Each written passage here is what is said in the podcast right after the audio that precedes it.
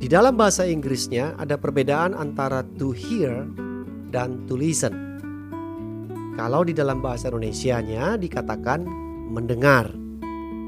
Tetapi to hear lebih kepada kemampuan alat atau indera pendengar seseorang untuk menangkap suara atau ini berhubungan dengan alat pendengarannya yaitu telinga dan organ-organ pendengaran di dalam telinga tersebut.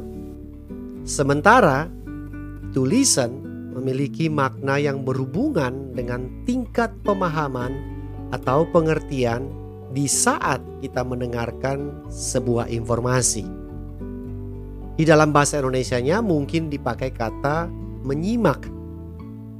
Nah, para sahabat metamorfosa, ada beberapa hal yang membuat kita sering kali gagal di saat kita menyimak seseorang sedang berbicara kepada kita.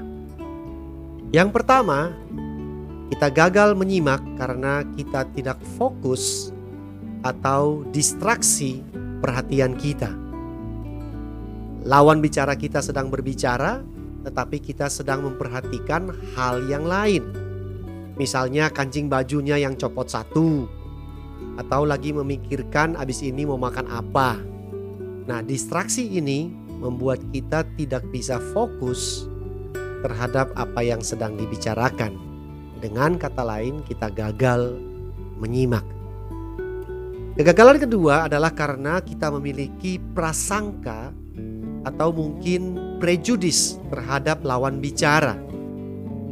Kalau yang ini artinya kita sudah mempunyai sentimen pribadi atau personal issue dengan lawan bicara kita.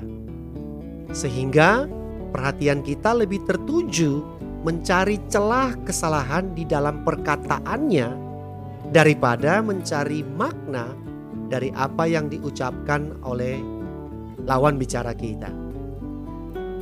Kegagalan yang ketiga adalah karena kita merasa lebih tahu tentang topik yang sedang dibicarakan, atau dengan kata lain, sok tahu.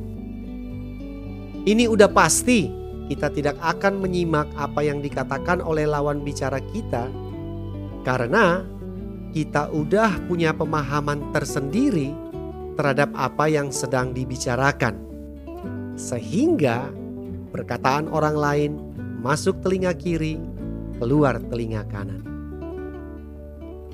Dasar di dalam sebuah komunikasi bukanlah sebaik apa kita dapat berbicara, tetapi sebaik apa kita dapat mendengar.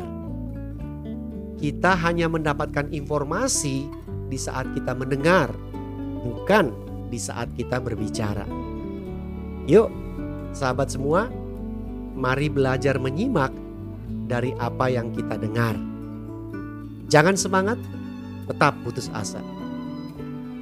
Nah, jika Anda tadi tidak menyimak apa yang saya barusan ucapkan, bahwa kalimat tersebut terbalik Jangan putus asa, tetap semangat. Sampai jumpa episode berikutnya.